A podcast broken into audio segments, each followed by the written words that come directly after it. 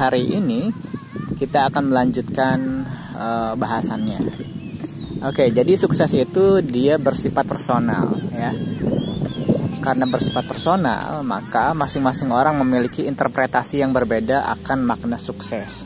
Ada orang yang mengidentikan sukses dengan kelimpahan materi, ada juga orang yang mengidentikan sukses dengan kebermanfaatan ilmu yang dia miliki, ada orang yang mengidentikan sukses dengan tingkat spiritual ya kedekatan dia dengan Tuhannya.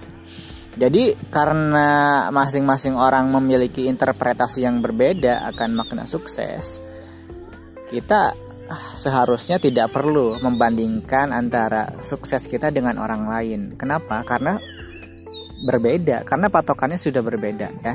Jadi kita tidak perlulah membandingkan diri lagi dengan orang lain, karena kalau misalkan kita semakin kita membandingkan diri kita dengan orang lain, maka kita akan semakin terlihat bodoh. Yang harus kita lakukan adalah membandingkan diri kita dengan diri sendiri. Ya, makanya kita harus punya target. Makanya kita harus punya impian, harapan ya yang spesifik ya, seperti yang saya singgung di awal, yang jelas, targetan yang jelas ya.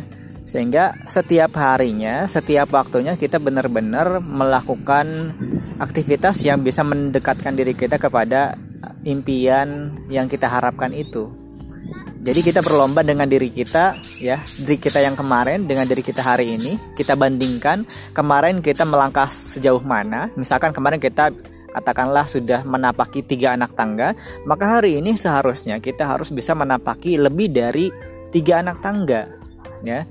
Jadi itu patokannya, ya. Jadi bukan berlomba dengan orang lain, tetapi berlomba dengan diri sendiri, sehingga kita semakin dekat dengan impian kita. Seperti itu.